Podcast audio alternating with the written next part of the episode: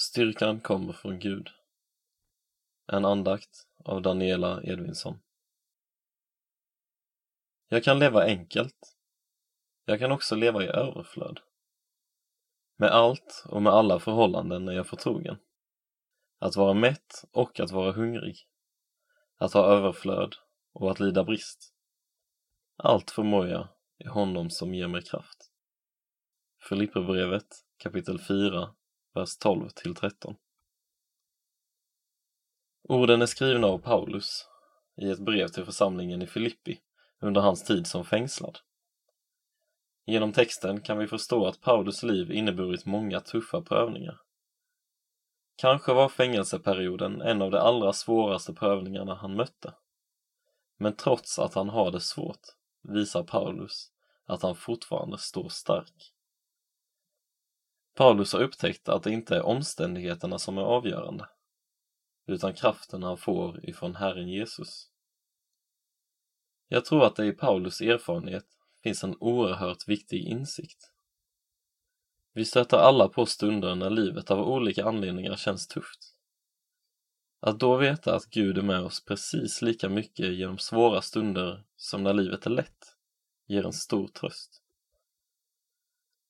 Jesus kraft till oss är inte beroende av våra omständigheter eftersom Gud är mycket större än så. När livet känns tungt eller när det känns som att allt går emot oss är Gud som det där lugnet som finns mitt i stormen. Det innebär att mitt i allt det som tynger oss och känns jobbigt är Gud ändå med oss. Han finns alltid tillgänglig för oss och när vi väljer att umgås med honom fyller hans ande våra liv med frid och ny styrka. Vi kan umgås med Gud på många olika sätt. Ensamma eller tillsammans med andra. Vi kan till exempel sjunga med i en lovsång, be, läsa bibeln, lyssna på en kristen podcast eller delta i en gudstjänst. Gud har aldrig lovat oss ett smärtfritt liv. Men han har lovat att alltid vara med oss. Läs gärna femte Mosebok kapitel 31, vers 8. Han vill ge oss ny kraft och hjälpa oss att bära det som tynger. Genom Gud får vi vara starka. In my wrestling and in my doubts In my failures you won't walk out Your great love will lead me through You are the peace in my troubled sea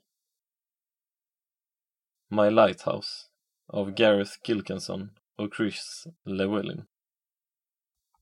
Vi ber.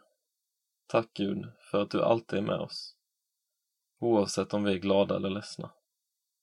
Tack för att du ger oss ny kraft och frid mitt i det som känns svårt. Amen.